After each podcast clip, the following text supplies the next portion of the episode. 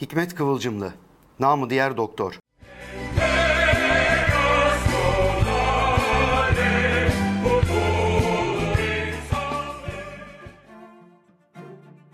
Cumhuriyet'in erken yıllarından 60'ların sonuna dek siyaset sahnesinde yer almış, sosyalizmin teori ve pratiğine katkıda bulunmuş önemli ve özgün bir isim.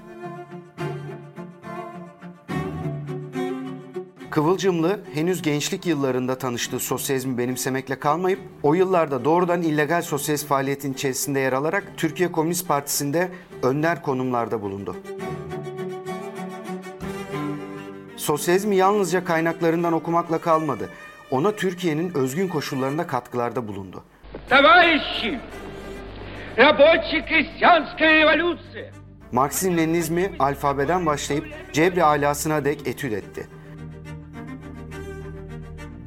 Kıvılcımlı 17 yaşında Köyceğiz Kuvay Milliye Kumandanlığı görevinde bulunarak milli mücadeleye katılmış, Türkiye Komünist Partisi'nin ikinci kongresinde Gençlik Teşkilatı Başkanlığı yapmıştır. Yaşamının 22,5 yılını bu faaliyetleri nedeniyle cezaevinde geçirdi. Kendisini en eski sosyalistlerden biri olarak tanımladı. Hikmet Kıvılcımlı sosyalistleri başlıca dört gruba ayırdı. Yepyeni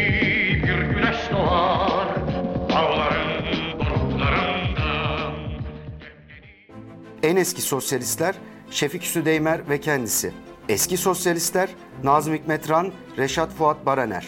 Yeni sosyalistler Mihri Belli, Mehmet Ali Aybar. En yeni sosyalistlerse Vahap Erdoğdu ve Doğu Perinçek. Görüldüğü gibi Kıvılcımlı kendisini Şefik Südeymer'le birlikte en eski sosyalist kuşak içerisinde saydı. Hikmet Kıvılcımlı ülkemizde sosyalizmi hem entelektüel düzeyde ele alan hem de halkla bütünleştirme çabasına, siyasal pratiğine hiç ara vermeyen, baskı ve sindirme politikalarından da yılmayan bir isim olarak tarihe geçti. Peki Hikmet Kıvılcımlı kimdi? 1902 yılında Priştine'de doğdu. Ailesiyle birlikte imparatorluğun zorlu yıllarının tanığı ve öznesi oldu. Balkan göçlerini bizzat yaşadı. Rumeli'den Anadolu'ya gerçekleştirdikleri göçten sonra Kuşadası'na yerleşti ve burada iptidai ve rüştiye okullarını tamamladı. Birinci Dünya Savaşı sırasında Muğla'ya göç etti. Ancak Dünya Savaşı'nın sona ermesinin ardından Yunanlıların İzmir'i işgal etmesi üzerine okulu bıraktı ve Kuvayi Milliye'de örgütlendi. Yörük Alefe çetesinde çeşitli çatışmalara katıldıktan sonra Köyceğiz Kuvayi Milliye Kumandanlığı'na getirildi. Bu arada ilk yazıları da Kuvayi Milliye gazetesi olan Menteşe gazetesinde yayınlandı. 1920 başlarında tıbbiyeye giren Hikmet İstanbul'a geçerek mütareke döneminin zor koşullarında askeri tıbbiyede okumaya başladı. Hikmet okul yıllarında Kurtuluş ve Aydınlık dergileri aracılığıyla sosyalizmle tanıştı.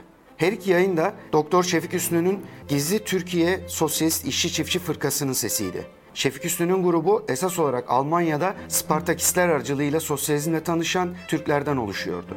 Bu kişiler Birinci Dünya Savaşı sırasında Osmanlı Devleti'nin Almanya'ya gönderdiği işçiler ve öğrencilerdi. Mütareke döneminde İstanbul'daki sosyalistler işçiler aracılığıyla işgale karşı mücadele yürüttüler. Bu dönemde Bakü kanalıyla gelişen Mustafa Sübbi TKP'si ve Anadolu Sosyalizmi olarak adlandırılan Halk İştirakiyun Fırkası da faaldi. Hikmet 1922 yılında sosyalist harekete dahil oldu. Onun harekete dahil olduğu süreçte Şefik Hüsnü illegal TKP'nin inşasına devam ediyor ve Osmanlı hükümetiyle mücadele ediyordu.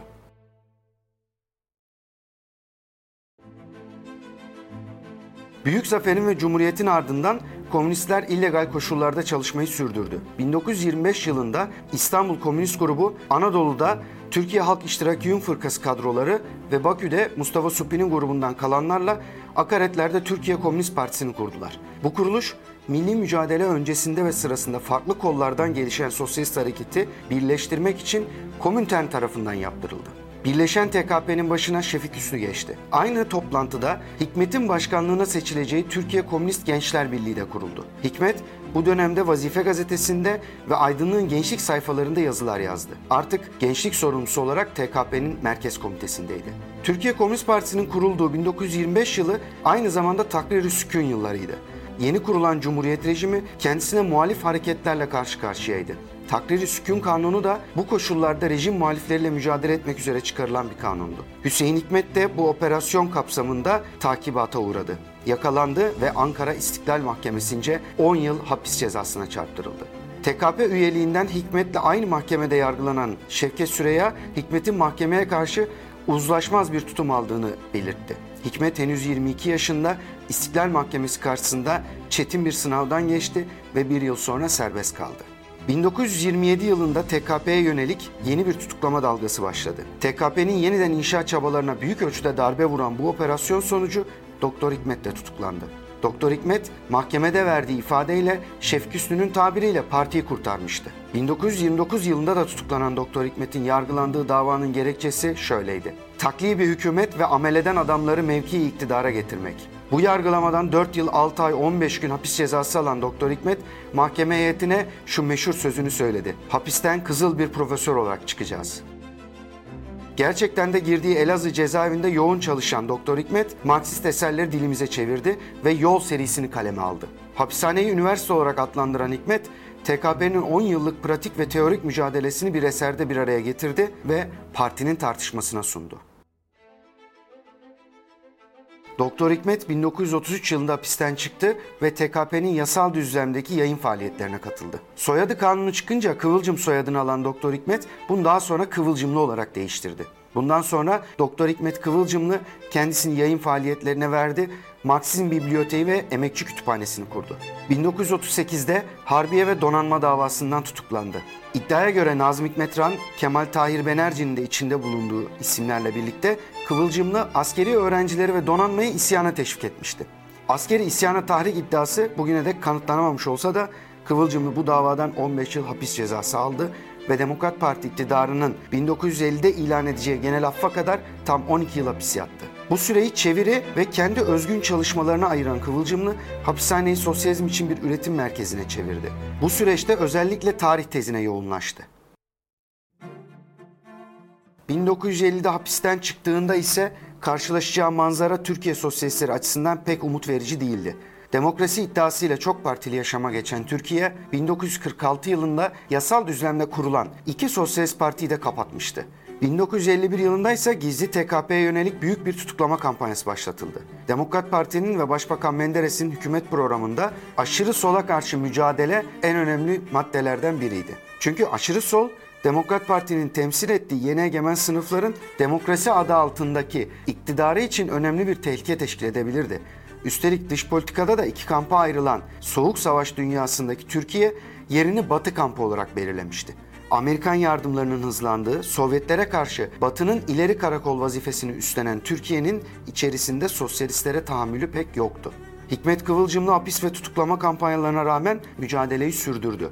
29 Ekim 1954 tarihinde Vatan Partisi'ni kurdu ve Vatandaş adlı bir gazete çıkardı. Vatan aşkını söylemekten korkar hale gelmektense ölmek daha iyidir diyen Kıvılcımlı'nın Vatan Partisi bilhassa hapiste üzerinde çalıştığı tarih tezinin somutlanmasıydı. Kıvılcımlı Minima programı olarak adlandırdığı ulusal bağımsızlık ve kalkınmaya dayalı bir siyaset izledi. Türkiye'nin sosyalizm aşamasında olmadığının farkındaydı ve çizgisini bu gerçeğe göre belirledi. Kıvılcımlı Vatan Partisi'nin başlattığı hareketi ikinci Kuvayi Milliye Seferi olarak tanımlıyordu. Kıvılcımlı'nın partinin kuruluş tarihi olarak seçtiği gün de çok anlamlıydı. 29 Ekim 1954.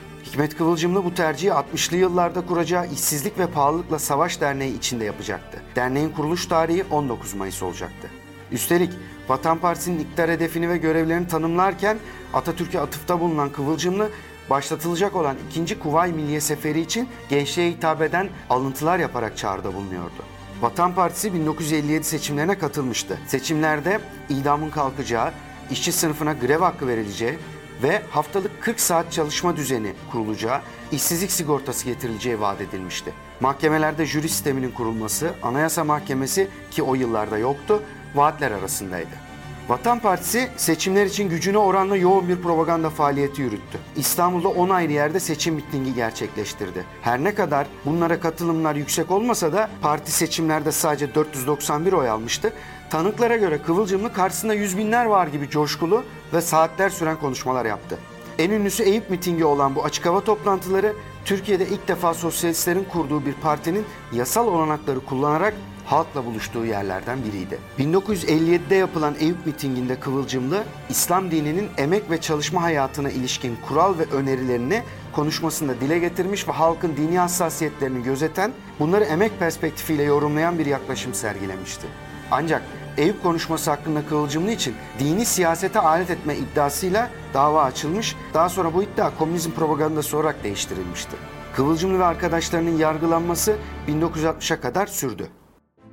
Deniz, hava, kara, Türk Silahlı Kuvvetleri el ele vererek memleketin idaresini ele almıştır. Hikmet Kıvılcımlı 27 Mayıs devrimini devrimin liderlerine yönelik 2. Kuvayi Milliye Gazanız kutlu olsun sözleriyle selamladı. Kıvılcımlı'nın devrimin sınıfsal bir perspektifle ve demokratik devrimi tamamlama hedefiyle sürdürülebilmesi için çaba gösterdiği görülüyordu. 60'lı yıllarda sosyalizmin geniş kitleler tarafından ilgiyle karşılandığı ve yükselişe geçtiği yıllar oldu. Bu yıllarda Kıvılcımlı özellikle yayın ve sendika faaliyetlerine önem verdi. 19 Mayıs 1968'de İşsizlik ve Pahalılıkla Savaş Derneği'ni kurarak kitle çalışması yürüttü. Ayrıca yükselen gençlik hareketinin liderleriyle de temas etti ve onları silahlı mücadeleden caydırmaya çalıştı. Ona göre silahlı mücadeleyle değil, kitlelerle kurulacak bağlar üzerinden hedeflere ulaşılabilirdi. Ancak olaylar Kıvılcımlı'nın istediği gibi seyretmedi. Ülkede anarşi ve terör ortamı arttı, sol gruplar parçalandı ve Türkiye 12 Mart askeri darbesini yaşadı. Darbe sürecinde ismi arananlar listesinde olan Kıvılcımlı aynı zamanda ağır bir hastalık geçirdiği için yurt dışına çıktı ve 1971 yılında Makedonya'da doğduğu topraklarda vefat etti.